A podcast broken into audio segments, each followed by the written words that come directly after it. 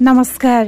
Radio कार्यक्रम स्वास्थ्य सन्देशमा स्वागत छ। म बिनाने उपाने। स्वास्थ्य सन्देशमा हामीले तपाईँलाई नै स्वस्थ बनाउन तपाईँ हाम्रै स्वास्थ्यमा देखिने समस्या अनि समाधान खोज्ने प्रयास गर्नेछौँ।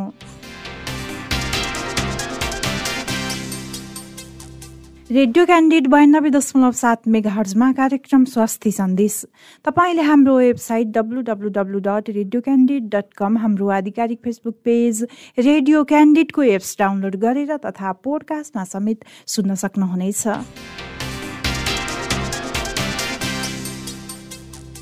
नेपालमा बिस वर्ष अघि गर्भपतनले कानुनी मान्यता पाएपछि जोखिमपूर्ण भ्रूण हत्या र बाध्यकारी जन्मको कारण समस्यामा पर्नुपर्ने अवस्था टरिसकेको छ। तर पछिल्लो समय तीव्र बढेको तथ्याङ्कले यसलाई कानुनी मान्यता दिएर झन गलत गरेको चर्चा समेत धेरै हुने गरेको छ। आधुनिकतासँगै प्रेम सम्बन्ध बिना बाँच्नै नसक्ने संस्कृति व्यस्त दैनिकीका कारण अभिभावकको कम चासो किशोर किशोरीमा यौन चाहनालाई प्रेम ठान्ने गलत बुझाइले यस्तो अवस्था आएको विज्ञहरूले बताएका छन्। यसबाहेक यौन र गर्भपतनको विषयमा अनुशासनभन्दा मनोरञ्जनको रूपमा बुझ्ने प्रवृत्तिले पनि नेपालमा गर्भपतन गर्नेको सङ्ख्या बढेको भन्दा कुनै आपत्ति नहोला। अहिले गर्भपतनलाई सहज रूपले कानुनी मान्यता पाएपछि धेरै किशोरीहरूमा के मान्यता रह्यो भने कसैसँग सम्बन्ध राख्यो भने पनि सहजै रूपमा गर्भपतन गराउन पाउँछु अर्थात् गर्भपतन गराउन सक्छु भन्ने मान्यता हाबी भइसकेको छ। त्यसैले आजको स्वास्थ्य सन्देशमा हामी यसै विषयमा केन्द्रित हुँदैछौँ। अनि कतिजना महिलाहरूको चाहिँ के हुन्छ भने अनि त्यसपछि महिनावारी गडबड हुन सक्ने सम्भावना हुन्छ पाठेघरमा सङ्क्रमण हुन सक्ने सम्भावना हुन्छ।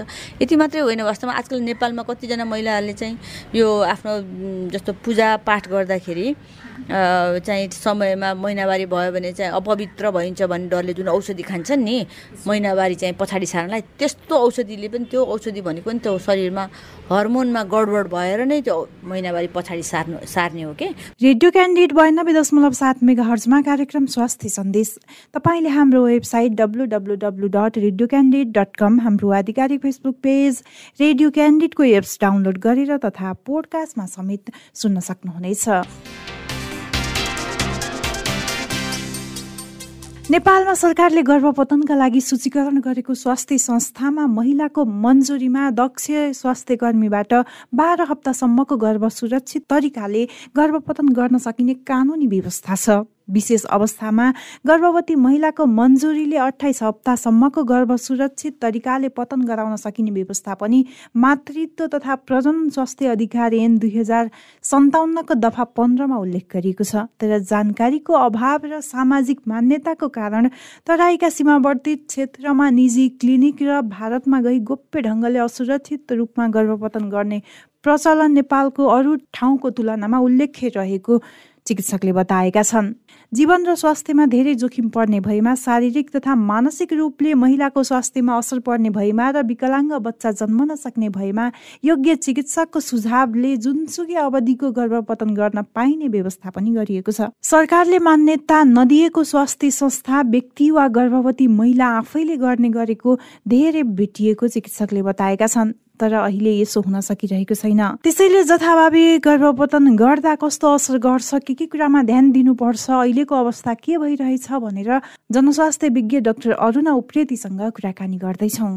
स्वागत छ डाक्टर साहब स्वास्थ्य सन्देशमा। हस् धन्यवाद। यो महिलाहरूमा पनि एकदमै विकृतिको रूपमा बढिरहेको एभर्सन भनौँ गर्भपतन। कसरी बुझ्ने डाक्टर गर्भपतन महिलाहरूको लागि एउटा अधिकारको कुरा हो आफ्नो शरीरमाथि आफ्नो अधिकार हुनुपर्छ भनेर। म र मेरा केही साथीहरू मिलेर हामीले नेपालमा गर्भपतनलाई कानुनी रूप दियौँ।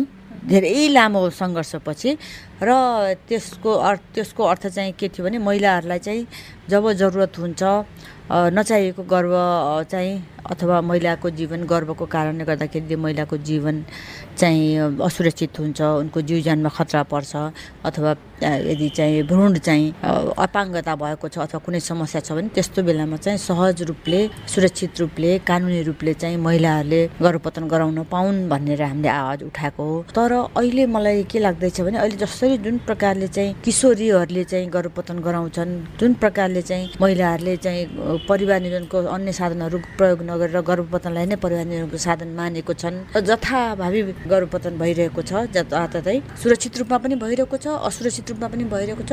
त्यसले चाहिँ एकदमै ठुलो महिलाहरूको स्वास्थ्यमा चाहिँ ठुलो समस्या ल्याउन सक्छ भन्ने चाहिँ मेरो बुझाइ छ।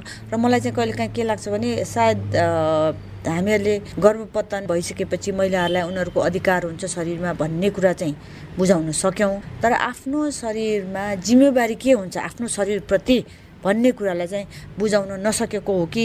हामी जस्तो जनस्वास्थ्य विज्ञहरूले र जसले चाहिँ यो विषयमा पहिलादेखि काम गरेर आएको कानुनी मान्यता दिनुपर्छ भनेर आएको भन्ने मलाई लाग्छ। कानुन मान्यता हुनु एउटा एकदम राम्रो कुरा हो तर गर्भपतनलाई चाहिँ जथाभावी चाहिँ प्रयोग गर्नु हुँदैन गर्न दिनु हुँदैन भन्ने चाहिँ मेरो मान्यता छ। अहिले एकदमै बढिरहेछ साहब यो गर्भपतन। के कारणले गर्दा यस्तो विकृतिको रूपमा बढिरहेछ? यसमा दुईवटा तिनवटा कुरा भयो। अब अहिले त्यो गर्भपतनलाई सहज रूपले कानुनी भइसकेपछि धेरै मानिसहरूमा र विशेष गरी किशोरीहरूमा चाहिँ के एउटा भयो भने सायद मैले चाहिँ कसैसँग सम्बन्ध राखेर मेरो गर्व रह्यो भने पनि मैले त सहज रूपले गर्भपतन गर्न पाइहाल्छु भन्ने किसिमको सायद मानसिकता हो कि क्या हो? त्यो एउटा पक्ष भयो। अनि अर्को चाहिँ सरकारले गर्भपतन जताततै सहज सुलभ गरेको छौँ भनेर सरकारले भनेको छ। तर गर्भपतन भन्ने कुरा चाहिँ जथाभावी सहज सुलभ रूपमा भए पनि सुरक्षित भए पनि जथाभावी गर्नु हुँदैन भन्ने कुरा चाहिँ सरकारले भन्न सकेन। सरकारले यस्तो किसिमको जानकारी दिन सकेन। हामीहरू जस्तो डाक्टरहरूको पनि र नर्सहरूको पनि सायद यसमा चाहिँ भूमिका रह्यो कि हामीले यो कुराहरूलाई चाहिँ जनलाई चाहिँ जनचेतना जागृत गराउन सकेनौँ। अनि अर्को कुरा चाहिँ के भयो भने अहिले जुन प्रकारले चाहिँ नौ हप्ताभन्दा कमको चाहिँ गर्व रह्यो भने औषधि खाएर गर्व गर्व चाहिँ तुइन्छ भन्ने किसिमको एउटा जुन आएको छ हो वास्तवमा तुइन्छ पनि। तर समस्या के पऱ्यो भने महिलाहरूले केटीहरूले किशोरीहरूले महिलाहरूले चाहिँ के भन्ठाने भने ए त्यसमा त अब के गाह्रो भएर जे गरे पनि हुन्छ भन्ने किसिमको सायद उनीहरूलाई अनुभव भयो कि अनि उनीहरूले चाहिँ सहजै रूपले गएर मेरो गर्व रहेको छ। आठ हप्ताको गर्भ रहेको चाहिँ मलाई औषधि देऊ भनेर मेडिकल पसल मेडिकल पसलमा गएर किन्न थाले। तर कतिजनालाई त थाहा पनि हुँदैन आफ्नो गर्भ दुई महिनाको हो कि तिन महिनाको हो पनि भन्ने पनि थाहा हुँदैन। र यस्तो बेलामा उनीहरूले चाहिँ जब औषधिको प्रयोग गर्छन् यसले गर्दाखेरि उनीहरूमा चाहिँ एकदम बढी समस्याहरू हुन सक्ने समस्या छ। एउटा पक्ष त्यो भयो अनि अर्को पक्ष के भयो भने यो के किशोरीहरूले किशोर र किशोरीहरूको बिचको सम्बन्ध यो प्रेम सम्बन्ध चाहिँ पहिला पहिला हाम्रो पालामा चार पाँच छ वर्षमा प्रेम सम्बन्ध हुन्थ्यो। अनि त्यस त्यसपछि किशोर किशोरीहरू चाहिँ हाम्रो पालामा चाहिँ सम्बन्धहरू भएपछि लामो समयपछि पछि मात्रै सम्बन्ध शारीरिक सम्पर्क हुन्थ्यो। अहिले चाहिँ किशोर किशोरीहरू एकअर्कासँग आज भेट्यो भोलि दियो भोलि भ्यालेन्टाइन डेमा फुल दियो पर्सि चाहिँ यौन सम्पर्क हुन्छ। पन्ध्र सोह्र वर्षको किशोरी को शरीर चाहिँ यौन सम्बन्ध राख्नको लागि चाहिँ त्यति उपयुक्त हुँदैन। उसको अहिलेको अवस्था भनेको त पढ्नको लागि हो आफ्नो विभिन्न किसिमका क्रियाकलापमा आफ्नो आफ्नो जीवनलाई अगाडि बढाउनको लागि हो तर जब यौन सम्बन्ध राख्न सक् राख्छन् त्यो बेलामा उनलाई चाहिँ कसैले पनि मार्गदर्शन गर्दैन कि होइन यो तिम्रो शरीरमा चाहिँ तिम्रो अधिकार हुनु एउटा ठिक कुरा हो। तर त्यो शरीरप्रतिको जिम्मेवारीको बोध पनि त्यत्तिकै हुनुपर्छ भन्ने कुरा उनलाई कसैले पनि मार्गदर्शन गर्दैन स्कुलहरूमा पनि गर्दैनन् घरमा पनि कसैले पनि गर्दैन। अनि उनले चाहिँ के देख्छ भने यो सरकारले नेपाल सरकारले चाहिँ जहाँ पाए त्यही जता पाए त्यतै ठुलो ठाउँमा यहाँ चाहिँ सुरक्षित रूपमा गर्भपतन हुन्छ भनेर एउटा जानकारी दिन्छ। अर्को चाहिँ औषधि खाएर सुरक्षित रूपमा गर्भपतन हुन्छ भने अर्को जानकारी दिन्छ। अनि विज्ञापन आउँछ टेलिभिजनमा चाहिँ एकदम एउटा किशोर किशोरीहरू चाहिँ एकदम पानी परेको बेलामा घुम्दै आएको अनि त्यसपछि एकदम रोमान्स रोमान्स गरेको त्यसपछि उनीहरूको असुरक्षित यौन सम्पर्क भएको र भोलिपल्ट केटाले चाहिँ ए यो खाएर के हुन्छ र? यो खाइदेऊ यो तिमी नडर म तिमीलाई औषधि ल्याइदिएको छु खाइदेऊ भनेर भन्छ अनि दुवैजना खुसी हुन्छन् जान्छन्। हो यस्तो किसिमको विज्ञापन दिएपछि के हुन्छ भने मान्छेलाई सर यौन सम्पर्क राखे पनि खासै समस्या त पर्दैन रहेछ किनभने हामीसँग इमर्जेन्सी पिल छ भन्ने विचार छ। तर त्यो इमर्जेन्सी पिल भनेको यसले चाहिँ शरीरमा कति बेफाइदा गर्छ र बारम्बार चक्लेट जस्तै खाएपछि यसले शरीरभित्रको हाम्रो हर्मोनल ब्यालेन्सलाई बिगारिदिन्छ। एउटा पक्ष त्यो भयो। अर्को पक्ष के भयो भने कहिलेकाहीँ यो केटीहरूले यो औषधिहरू यो गर्भपतनको चाहिँ औषधिहरू खाँदा खाँदै पनि तिन हप्ताको यदि तिन महिनाको ऊ छ भने उनीहरूलाई थाहा हुँदैन अनि उनीहरूले चाहिँ त्यो इमर्जेन्सी पिल नौ हप्ता इमर्जेन्सी पिल होइन कि अर्को नौ हप्तापछि खाने पिलमा चाहिँ खाए खायो भने उनीहरूको शरीरमा त्यो एकदम बढी रगत बगेर उनीहरूलाई तुरन्त अस्पताल पुर्याउनु पर्ने अवस्था हुन्छ। कति किशोरीहरू जसलाई चाहिँ यदि उनीहरूले चाहिँ आफूलाई गर्व रहेको छ भने ठानेर औषधि खान्छन् अथवा गर्भपतन गराउँछन् अनि त्यसपछि उनीहरूको चाहिँ यदि यदि पाठेघर बाहिर बसेको चाहिँ यदि गर्व रहेको छ भने त्यो गर्व अनि उनीहरूलाई त थाहा पनि हुँदैन औषधि पेट दुख्यो भन्छन् बेहोस भयो भन्छन् कसैले पनि चाहिँ उनको गर्वको बारेमा त विचारै गर्दैन। अनि त्यसपछि बिस्तारै दुई तिन घन्टापछि भित्र रगत बगेर उनी मर्न सक्छन्। त्यस्ता किसिमका घटनाहरू त मैले कति सुनेको छु आजभन्दा पाँच छ महिना अगाडि म विराटनगरमा जाँदाखेरि एकजना किशोरीको त्यो स्वास्थ्य चौकीमा थिएँ र त्यहाँको स्कुलको शिक्षकले एकजना सुनाउनु भयो। एकजना पन्ध्र सोह्र वर्षको किशोरी चाहिँ स्कुलमा मुर्छा परिन् अब कमजोरीले मुर्छा पर्यो होला भनेर अस्पतालमा लग्यो होइन अनि अस्पतालमा त डाक्टरले थाहा देखे उनीहरूको उनको त एकदम भित्रबाट आन्तरिक रूपमा चाहिँ उनको चाहिँ रक्तस्राव भइरहेको छ भन्ने थाहा पाएपछि तुरन्त यो कतै एक्टोपिक प्रेग्नेन्सी हो त गर्भ बाहिर रहेको प्रेग्ने गर्भ हो कि भनेर पाठेघर बाहिर रहेको गर्भ हो कि भनेर गाइनको यता स्त्रीरोग विषयकालाई बुद्धि आए अहिले त विचार आएपछि सबै जाँचबुझ गर्यो हो भन्ने पत्ता लाग्यो उनको तुरन्त अपरेसन गरेर उनको ज्यान बच्यो। यदि ती किशोरी किस विराटनगरको अस्पतालमा नपुगेर यदि उनी चाहिँ कुनै गाउँमा भयो कि भए अथवा उनलाई त्यहाँ ल्याउनलाई ढिलो भएको भए उनको ज्यान जान्थ्यो यस्तो किसिमको घटनाहरू सायद थुप्रै अरू पनि भएका होलान्। तर त्यो कहिले पनि हामीहरूको सम्म आइपुग्दैन। त्यसै कारणले गर्दाखेरि मैले आजकल चाहिँ किशोरीहरूलाई के भन्ने गरेको छु भने तिमीहरूको तिमीहरूले जथाभावी यौन सम्पर्क गर्नु त्यो अधिकार होइन त्यो त तिमीहरूले आफ्नो शरीरलाई चाहिँ व्यवस्था गरेको शरीरप्रतिको जिम्मेवारी नगरेको भन्ने एउटा कुरा बुझ्छौ बुझ्छु मैले। र तिमीहरूले किशोरहरूसँग केटाहरूसँग चाहिँ सम्बन्ध उमेर नपुगिकन सम्बन्ध राख्ने हुँदैन। र अझ त्यो मैले त्यसलाई मोरालिटी के अरे यो नैतिकता अथवा अनैतिकताको दृष्टिकोणबाट मैले हेर्दिनँ। मैले चाहिँ यसलाई के दृष्टिकोणबाट हेर्छु भने आफ्नो शरीरप्रतिको जिम्मेदारी आफ्नो शरीरप्रतिको आफ्नो स्वास्थ्यप्रतिको जिम्मेदारी बोध गरेको हो भन्ने एउटा पक्ष हेर्छु। अनि अर्को कुरा के छ भने यो एउटा त यसरी यस्तो किसिमको अवस्था भयो। अर्को चाहिँ जथाभावी सरकारले जुन प्रकारले चाहिँ इमर्जेन्सी पिल खाऊ भनेर बाँडेको छ यसले गर्दाखेरि त्यो किशोरीहरू पछि गएर जब वास्तवमा बिहा गरेर बच्चा पाउनु चाहन्छ नि उनीहरूलाई बाँझोपन पनि हुनसक्छ। यो बारेमा हाम्रो धेरै अनुसन्धान भइसकेको छ। तर त्यो भएको अनु यसरी जथाभावी इमर्जेन्सी पिल प्रयोग गर्दा जथाभावी फ्यामिली प्लानिङको यो यो के यो गर्भ गर्भत्वलाई प्रयोग गर्ने औषधि प्रयोग गर्दा पछि बाँझोपन हुन सक्ने भन्ने कुरा यति धेरै अनुसन्धान भइसकेको छ। त्यो तर त्यो अनुसन्धानको कुरा हाम्रो सरकारले चाहिँ स्वास्थ्य मन्त्रालयले कहीँ पनि कुराकानी गर्दैन। र त्यसले गर्दाखेरि मानिसहरूलाई चाहिँ के अनुभव भएको छ भने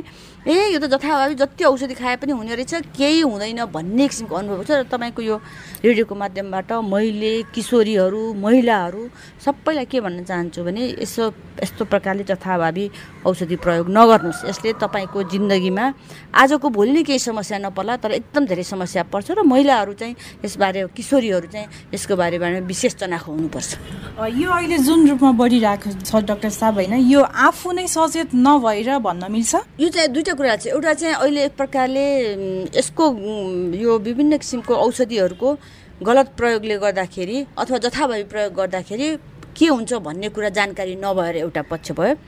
अनि अर्को किशोर किशोरीहरूलाई चाहिँ मार्गदर्शन नभएर यौन सम्बन्ध भनेको चाहिँ साधारण कुरा हो भन्ने किसिमको चाहिँ विचार हुन थाल्यो। र त्यसमा र अनि अर्को चाहिँ के भयो भने जब कोही डाक्टर कहाँ अथवा नर्स कहाँ चाहिँ कोही किशोरी चाहिँ गर्भपतन गराउन आउँछन् उनलाई राम्रोसँग मार्गदर्शन हुँदैन परामर्श हुँदैन।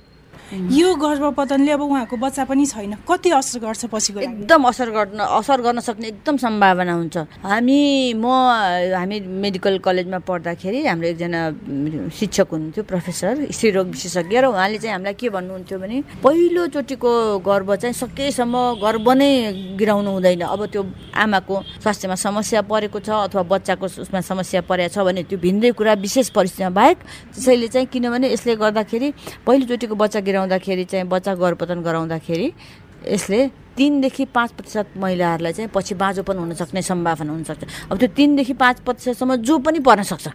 हो कि होइन? र त्यसमाथि पनि एउटा बच्चा चाहिँ गर्भपतन गरायो।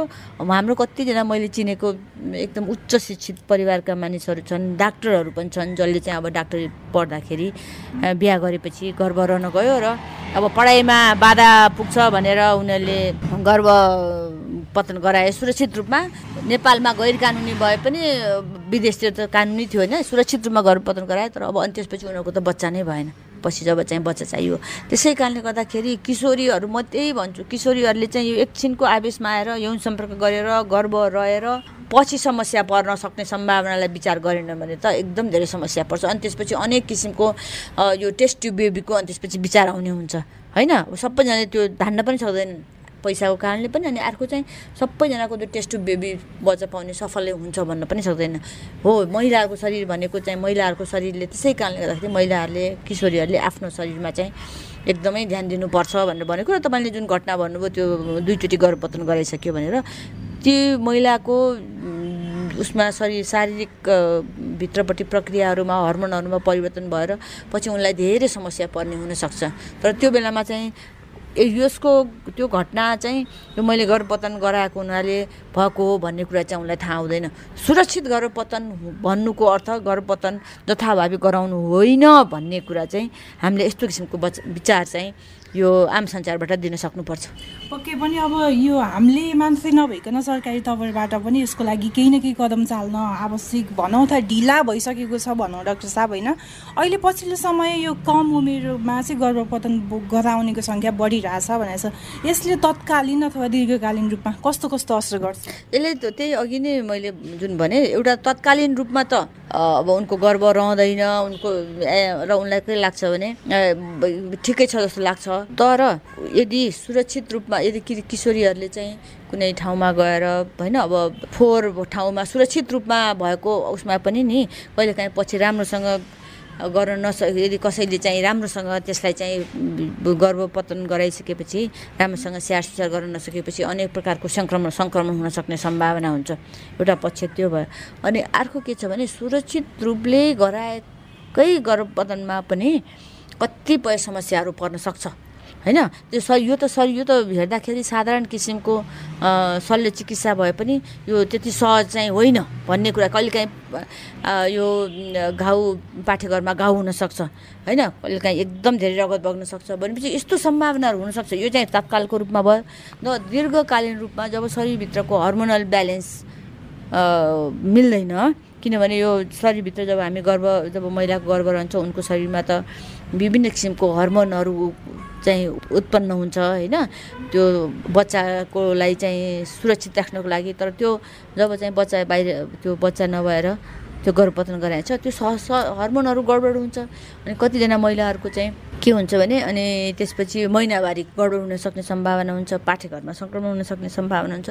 यति मात्रै होइन वास्तवमा। आजकल नेपालमा कतिजना महिलाहरूले चाहिँ यो आफ्नो जस्तो पूजा पाठ गर्दाखेरि चाहिँ समयमा महिनावारी भयो भने चाहिँ अपवित्र भइन्छ भन्ने डरले जुन औषधि खान्छन् नि महिनावारी चाहिँ पछाडि सार्नलाई त्यस्तो औषधिले पनि त्यो औषधि भनेको नि त्यो शरीरमा हर्मोनमा गडबड भएर नै त्यो महिनावारी पछाडि सार्नु सार्ने हो कि? हो त्यस्तो किसिमको औषधिले समेत महिलाको शरीरमा चाहिँ नराम्रो असर पर्छ भने यसरी जथाभावी गरेको गर्भपतनले त एकदमै ठुलो असर पार्छ। र मलाई चाहिँ अहिले के डर लागिरहेको छ भने पछि अहिले जुन जुन प्रकारले किशोरीहरूले जथाभावी गर्भपतन गरिरहेको थिइन्। त्यसले गर्दाखेरि भविष्यमा उनीहरूलाई त बाँझोपन हुनसक्ने एकदम सम्भावना हुन्छ। र यसले गर्दाखेरि अब कतिजनाको लागि त बाँझोपन भए पनि के भएर टेस्ट ट्युब बेबी गरौँला भन्छ तर त्यो त्यो टेस्ट ट्युब बेबी पनि त्यति सजिलो चाहिँ छैन भन्ने कुरा चाहिँ बुझ्नुपर्छ।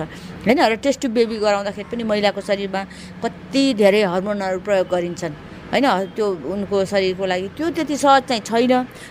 तर मुख्य त्योसम्म पुग्नुभन्दा अगाडि नै हामीले के विचार गर्नुपर्छ भने किशोरीहरूले यहाँ म किशोरको त कुरै गर्दै छैन या त यसमा त मैले एकदमै किशोरी र महिलाहरूलाई नै भनेको तपाईँहरूले आफ्नो जिन्दगीलाई चाहिँ सुखी पार्नु छ स्वस्थ रहनु छ भने सरकारले गर्भपतनको सुविधा दिएको छ यो कानुनी अधिकार हो भने पनि सकेसम्म त्यस त्यो अधिकार प्रयोग गर्ने अवस्था आउनु नै दिनु हुँदैन। अहिले अब कानुनी रूपमा पनि बाह्र हप्तासम्मको नर्मल र अब हाड नाताकरण केही भयो भने अठार हप्तासम्मको चाहिँ गर्भपतन गर्न पाउने भनेको छ होइन। कतिपय चाहिँ के आइरहेछ भने डाक्टर साहब त्योभन्दा बढी हप्ताको पनि बढी पैसा दिएर एबर्सन गराइरहेको छ। एकदम छ एकदम छ। त्यसमा त त्यो यदि किसो यदि कसैको महिलाको उहाँको गर्भमा छोरी रहेको छ भन्ने थाहा पाएपछि त गर्भपतन गराएको छ। अब कतिजनाले त वास्तवमा वास्तवमा त्यो गर्भपतन हो कि यदि छ महिनापछिको त्यो गर्भपतन गर्यो गरेको हो भने त वास्तवमा त्यो गर्भपतन पनि होइन त्यो त जिउँदै बच्चा हो। अनि अहिले नेपाल सरकारले प्रजनन स्वास्थ्यको अधिकार प्रजननको अधिकारमा चाहिँ अठाइस हप्तासम्मको गर्भपतन चाहिँ भ्रूणलाई चाहिँ गर्भपतन गराउने अधिकार दिएको छ रे भन्ने मैले सुनेको छु। मैले त्यो राम्रोसँग हेर्न पाएको छैन। यदि त्यो भने सरासर गलत किसिमको काम हो यो। यो एकदमै यसलाई चाहिँ म एक प्रकारले के भन्छु भने म प्रायः त्यो गर्भपतनलाई पापसँग जोड्न चाहदिनँ कहिले पनि जोड्दिनँ। तर अठाइस हप्ताको भनेको झन् झन् सात महिनाको त त्यो त बच्चा पूर्ण रूपमा कतिजना महिलाहरूको सात महिनाको बच्चा त पूर्ण रूपमा जन्मिन्छ। होइन? जब जन्मेछ पूर्ण रूपमा छ कतिजना छन्? अनि के हुन्छ भने यदि यो सात महिनाको अठाइस हप्ताको भ्रूणलाई चाहिँ गर्भ त्यो त गर्भपतन होइन त्यो त बच्चा जन्माएकै हुन्छ होइन? अनि अर्को कुरा के छ भने सात महिना अब यस्तो यदि महिलाको स्वास्थ्यमा समस्या पर्यो महिलालाई उच्च रक्तचाप भयो होइन? अब उनलाई इन्क्ल्याप इन्क्ल्याप्सिया कम्पन भयो बेहोस भयो भने त त्यो त कुनै पनि बेलामा चाहिँ डाक्टरहरूले चाहिँ बच्चा नि पेट चिरेर निकाल्न सक्छन्। निकाल्छन् र त्यो चाहिँ उनीहरूको नैतिक दायित्वभित्रै पर्छ। तर गर्भपतन गर्ने भनेर बाइस हप्ता अट्ठाइस हप्ताको गर्ने भनेको चाहिँ यो चाहिँ यसलाई चाहिँ कुनै पनि रूपमा चाहिँ कानुनी मान्न म सक्दिनँ। म त यसको चाहिँ विरोधै गर्छु। म आफै जसले गर्भपतन अधिकार हुनुपर्छ भनेर चाहिँ म बोलेको हो। मैले चाहिँ यसरी जथाभावी चाहिँ सरकारले नियम यस्तो नियम बनायो भने यसको विरोध गर्छु अनि अर्को सरकारको नियमको विरोध मैले पहिलादेखि नै यो जथाभावी यो इमर्जेन्सी पिलको जुन प्रकारले सरकारले विज्ञापन दिइरहेछ नि त्यसको त म एकदम विरोध गर्नु। मैले वास्तवमा यो बारेमा लेख्न पनि धेरै अगाडिदेखि खोजिरहेको गरिरहेको आज तपाईँले आएर यो कुरा उठाइदिनु भयो। यसको बारेमा म लेखेर विभिन्न पत्र पत्रिकाहरूमा राख्नेछु। खासमा यो गर्भपतन गर्न चाहिँ कस्तो खालको डक्टरले पाउने डाक्टर साहब? अहिले त अब मेडिकलमा समेत गर्भपतन भइरहेको छ। यो त होइन नि त्यो गर्न पाउने नै होइन। त्यो त मेडिकलमा चाहिँ यदि त्यो औषधिको रु औषधि चाहिँ मेडिकलमा बेच्न पाइन्छ त्यो पनि एकदम सरकारले हुन्छ भनेर भनेको मेडिकलमा। र गर्भपतन चाहिँ गराउन अब नर्सहरूले पनि राम्रोसँग तालिम लिएपछि नर्सहरूले पनि सक्छन् होइन? डाक्टरहरूले पनि सक्छन्। अब स्त्रीरोग विशेषज्ञ त गरे नै भए। त्यसको लागि विशेष तालिमको व्यवस्था छ। मैले हामीले पहिला चाहिँ पहिला चाहिँ डाक्टरहरूलाई मात्रै गर्भपतन गराउने अधिकार दिनु दिनुपर्छ भनेर चाहिँ कानुन बनाउँदाखेरि होइन? हामीले चाहिँ के भन्यो भने नर्सहरूलाई पनि दिनुपर्छ। उनीहरूले पनि उनीहरूलाई उनीहरूलाई राम्रोसँग जानकारी दिइसकेपछि उनीहरूलाई राम्रोसँग सिकाइसकेपछि उनीहरूलाई कसरी गर्भपतन गराउने भने सिकाएपछि गाउँघरमा जहाँ चाहिँ डाक्टरहरू पुग्न सक्दैनन् त्यहाँ उनीहरूले चाहिँ गर्न सक्छन् भनेर चाहिँ त्यसको बारेमा चाहिँ वकालत गर्ने हामीहरू नै हो होइन? र जुन औषधिको औषधि विभिन्न औषधिहरू चाहिँ जथाभावी जुन प्रकारले अहिले बेचिरहेको छन् त्यस्तो किसिमको बेच्नु हुँदैन भन्ने चाहिँ आवाज वास्तवमा उठाउनु पर्ने हामीहरूले नै हो। किनभने यो किनभने कतिजना महिलाहरूको जसलाई चाहिँ नौ एघार हप्ताको अथवा बाह्र हप्ताको गर्व छ तर उनले चाहिँ उनले चाहिँ नौ हप्ताको भनिदिन्छन् अथवा उनलाई थाहा नै हुँदैन। त्यस्तो बेलामा त्यस्तो किसिमको औषधि खाएर कहिले काहीँ चाहिँ के हुनसक्छ भने त्यस्तो किसिमको औषधि खाइसकेपछि अब धेरै रगत बगेर उनलाई तुरन्त अस्पताल उनको जिन्दगी बचाउन तुरन्त अस्पताल लैजानुपर्ने हुनसक्छ। एउटा पक्ष त्यो भयो। अर्को पक्ष के हो भने कहिले काहीँ त्यो औषधि खाएपछि पनि गर्भ जाँदैन तुइँदैन यदि बाह्र हप्ताको छ भने तर त्यो गर्भ त्यो औषधि खाएको कारणले चाहिँ बच्चा चाहिँ अपाङ्गता भएको जन्मिन सक्छ। भनेपछि सरकारले यो यस्तो किसिमको कुराहरू चाहिँ बुझ नबुझाउने अनि जथाभावी चाहिँ गर्भपतन गराए हुन्छ गर्भपतन सुरक्षित छ। हामीहरूले वर्षभरिमा यतिचोटि गर्भपतन यतिवटा महिलालाई गर्भपतन गरायौँ भनेर भन्नुको त केही औचित्य छैन। जो गर्भपतनको समस्याको कारणले गर्दाखेरि यसरी जथाभावी औषधि खाएको कारणले कोही महिलाहरू यदि गाउँमा मरिरहेका छन् भने तिनीहरूको त बाहिर कुरा नै आउँदैन। अथवा ती किशोरी जुन अघि मैले भने विराटनगरको जसको एक्टोपिक जसको पाठ्यघर बाहिर भ्रूण रहेको थियो र उनको ज्यान बचेको थियो। अथवा म आफैको चाहिँ पाठ्यघर बाहिर रहेको भ्रूणको लाई चाहिँ उपचार गरेर ज्यान बचेको। यस्तो किसिमको कुराहरू त बाहिर त कसले आउँछ कसले भन्छ र भन्नुहोस् त। त्यसै कारणले गर्दा लुकाउने नै हो लुकाउने नै हो नि। फेरि त्यसमाथि पनि किशोरी म त अब डाक्टर भएको हुनाले मान्छेले मेरो कतिजना साथीहरूले त एकछिन मलाई हाँसो पनि गरे के हो यस्तो यो तिम्रो जस्तो मान्छेको पनि एक्टोपिक प्रेग्नेन्सी अथवा उसमा पाठेघर बाहिर चाहिँ भ्रूण बस्यो भनेर हाँसो पनि गरे अनि होइन।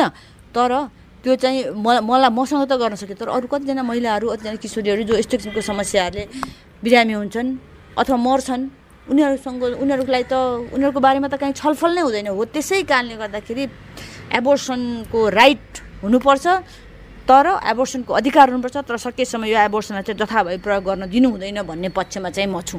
यो अहिले जुन रूपमा बढिरहेको छ डाक्टर साहब यसलाई नियन्त्रण गर्न चाहिँ अब के गर्न सकिन्छ? अब यसो छ सबभन्दा पहिला त किशोरीहरूलाई किशोरीहरू महिलाहरूलाई चाहिँ तपाईँहरूले चाहिँ पाठेघरको के अरे यो गर्भपतन गराउनलाई चाहिँ तपाईँहरूले चाहिँ सहज रूपमा चक्लेट खाए जस्तो आज एउटा रेस्टुरेन्टमा गयो खाना खायो अर्कोमा गयो खाना खायो कहीँ चाउमिन खायो कहीँ चिउरा खायो त्यस्तो किसिमले चाहिँ पाठेघर यो गर्भपतनको औषधि खाने होइन यसले चाहिँ शरीरमा यस्तो यस्तो नकारात्मक असर पर्छ भन्ने कुरा एउटा बुझाउन सक्नुपर्छ।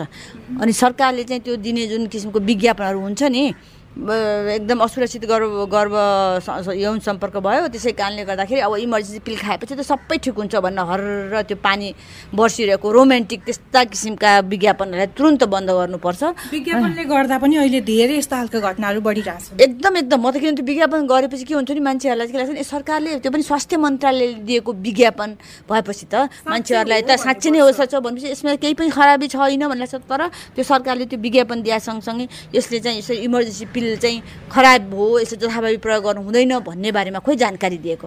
हामी साधारण खालको औषधि एन्टिबायोटिकहरू त जथाभावी प्रयोग गर्नु हुँदैन भनेर मान्छेहरूलाई बुझाउँछौँ भने यो एबोर्सनको एबोर्सनको चक्की यसो जथाभावी प्रयोग गर्नुहुन्छ र भन्ने कुरा चाहिँ सरकारले खोइ बुझाएको भन्छ यसमा चाहिँ एकदम एकदमै यसले चाहिँ हाम्रो किशोरीहरूलाई म विशेष गरी किशोरी र महिलाहरूलाई भन्छु उनीहरूलाई चाहिँ वास्तवमा एकदमै समस्या पर्छ। किनभने उनीहरूले यसको बारेमा थाहा नै छैन। उनीहरूले यसले चाहिँ हामीलाई बेफाइदा गर्छ भन्ने थाहा नै नभएको हुनाले परेको त्यसैले यो बढेको पहिलाको भन्दा अहिले सहज भएको छ किशोर किशोरीहरूको सम्पर्क हुन होइन? अनि उनीहरूको सम्बन्ध हुन्छ। त्यो सम्बन्ध राख्ने अथवा नराख्ने एउटा पक्ष भयो। राख्नु त्यसरी उमेर कम उमेर राख्नु हुँदैन भन्ने पक्षको मान्छे म हो होइन? तर के छ भने अनि त्यसले चाहिँ के के समस्या पर्छ भन्ने बारेमा खोइ कुराकानी आएको? सरकारले खोइ बोलेको? कुनै पनि ठाउँमा चाहिँ जहाँ पनि कुराकानी गर्दाखेरि सरकारी आँकडाहरूमा चाहिँ यति हामीले सुरक्षित गर्भपतन गरायौँ भन्छ। तर असुरक्षित गर्भपतन भएर मरेका महिला अथवा किशोरीहरूको चाहिँ आँकडा त कहीँ पनि आउँदैन। कहीँ पनि आएको छैन। किन आएको छैन भने किनभने यसको बारेमा कहीँ छलफलै हुँदैन। जब यदि यसको बारेमा छलफल गरेर कतिजना किशोरीहरूले चाहिँ यस्तो किसिमको गऱ्यो होलान् असुरक्षित गर्भपतन गरेर चाहिँ समस्या पऱ्यो होला भनेर भन्छन्। थाहा हुनेछ। सायद त्यो बेलामा अनि मात्रै थाहा हुन्छ। जब हामीले गर्भपतन नेपालमा गर्भपतनलाई कानुनी मान्यता दिनुपर्छ भनेर भन्दाखेरि सरकारले हुँदैन। त्यो बेलामा तत्कालीन पञ्चायतको बेलामा हुँदैन हुँदैन हुँदैन भनेर भने होइन। अनि त्यो बेलामा कतिजना महिलाहरू चाहिँ गर्भपतन गर्भ असुरक्षित गर्भपतन मर्छन् भन्ने कहीँ आँकडा थिएन। जब हामीले छलफल चलाउन थाल्यो अनि बल्ल आँकडा आउनु थाल्यो। अनि त्यसपछि थाहा भयो कि नेपालमा मर्ने आमा भन्दाखेरि मर्ने महिलाहरूमध्ये पचास प्रतिशत महिलाहरू चाहिँ असुरक्षित गर्भपतनले मर्दा रहेछन् भन्ने विश्व स्वास्थ्य सङ्घको आँकडा आयो। अनि हो यो आँकडालाई लिएर चाहिँ हामीले एकदम आफ्नो आवाज उठायौँ र हामी सफल भयौँ गर्भपतनलाई सुरक्षित गर्नु। तर यति भन्दा पनि सुरक्षित गर्भपतन अधिकार हो तर यसलाई जथाभावी प्रयोग गर्नु हुँदैन भन्ने कुरामा चाहिँ सबै सजग रहनुपर्छ र सरकारले चाहिँ झनै सजगता अप्नाउनुपर्छ।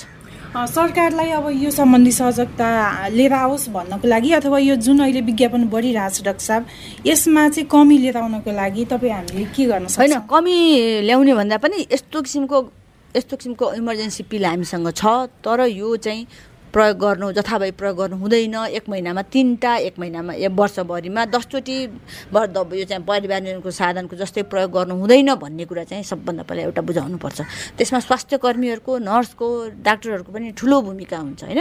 अनि स्कुलमा शिक्षकहरूले पनि यसलाई राम्रोसँग बुझाउन सक्यो भने नि यस यसमा चाहिँ सायद केही कमी आउन सक्छ। तर सबभन्दा पहिला रेडियो विज्ञापनहरूमा चाहिँ यसरी गर्भपतनको औषधि जथाभावी प्रयोग गर्नु हुँदैन। यसले चाहिँ शरीरमा एकदम हानि गर्छ भन्ने कुराहरू चाहिँ मान्छेहरूले सुन्यो भने नि किशोरीहरूले सुने महिलाहरूले सुन्यो भने चाहिँ यो स्वतः उनीहरूले चाहिँ कम गर्छन् भन्ने कुरामा चाहिँ म विश्वस्त छु। पक्कै पनि यसको लागि अब सबैभन्दा पहिला जनचेतना जगाउनै आवश्यक छ। जनचेतना जगाउनु पऱ्यो जनचेतना चाहिँ जनचेतना दिने मान्छेहरूलाई सबभन्दा पहिला जगाउनु पऱ्यो सबभन्दा पहिला स्वास्थ्य कर्मीहरूलाई जगाउनु पऱ्यो कि उनीहरूले चाहिँ किशोरीहरूलाई यसको बारेमा भनौँ डाक्टरहरूलाई जगाउनु पऱ्यो कि डाक्टरले चाहिँ तथाभावी औषधि इमर्जेन्सी पिल चाहिँ तथाभावी प्रयोग गर्नु हुँदैन भन्ने कुरा चाहिँ थाहा आफूलाई थाहा भएको कुरा अर्कालाई भन्नु पऱ्यो स्वास्थ्य मन्त्रालय जो चाहिँ एकदम सबैजनाको जनताको स्वास्थ्यको जिम्मेवारी लिएर बसेको छ उसले जथाभावी यस्तो किसिमको विज्ञापन गर्न दिनु भएन रोक लाउनु पर्यो र जथाभावी चाहिँ औषधि प्रयोग गर्नु हुँदैन भन्ने कुरा चाहिँ आम सञ्चार माध्यमहरूबाट जानु पर्यो। यहाँको महत्त्वपूर्ण समय र जानकारी स्वास्थ्य सन्देशमा आएर राखिदिनु भयो त्यसको लागि धेरै धेरै धन्यवाद।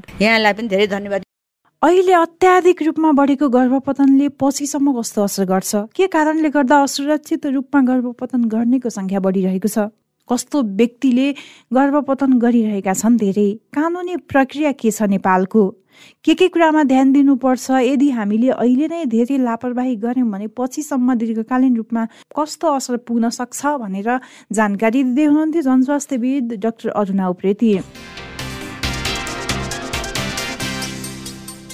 Radio candidate बयानब्बे दशमलव सात मेगा हर्जमा कार्यक्रम स्वास्थ्य सन्देश। तपाईँले हाम्रो website W W W dot radio candidate dot com हाम्रो आधिकारिक फेसबुक पेज रेडियो क्यान्डिडेटको एप्स डाउनलोड गरेर तथा पोडकास्टमा समेत सुन्न सक्नुहुनेछ। पछिल्लो समय अत्याधिक रूपमा बढेको गर्भपतनले कस्तो असर गर्छ भनेर केन्द्रित भएको स्वास्थ्य सन्देश तपाईँलाई कस्तो लाग्यो? हामीलाई सल्लाह सुझाव र प्रतिक्रिया दिन नभुल्नुहोला। त्यसको लागि हाम्रो ठेगाना हो कार्यक्रम स्वास्थ्य सन्देश रेडियो क्यान्डिड बयानब्बे दशमलव सात मेगा हर्ज दरबार मार्ग काठमाडौँ। यस्तै हामीलाई हाम्रो फेसबुक पेजमा मेसेज तथा इमेल ठेगाना radio Candid ninety two point seven at the rate Gmail dot कममा मेल गर्न सक्नुहुनेछ। हवस् त। नियमित कार्यक्रम स्वास्थ्य सन्देश भोलि यही समयमा फरक विषयवस्तुका साथ उपस्थित हुनेछौँ। कार्यक्रम अवधिभर प्रविधिमा साथ दिने गणेश श्रेष्ठ सहित कार्यक्रम स्वास्थ्य सन्देशबाट बिना ने उपाने बिदा हुन्छु। नमस्कार।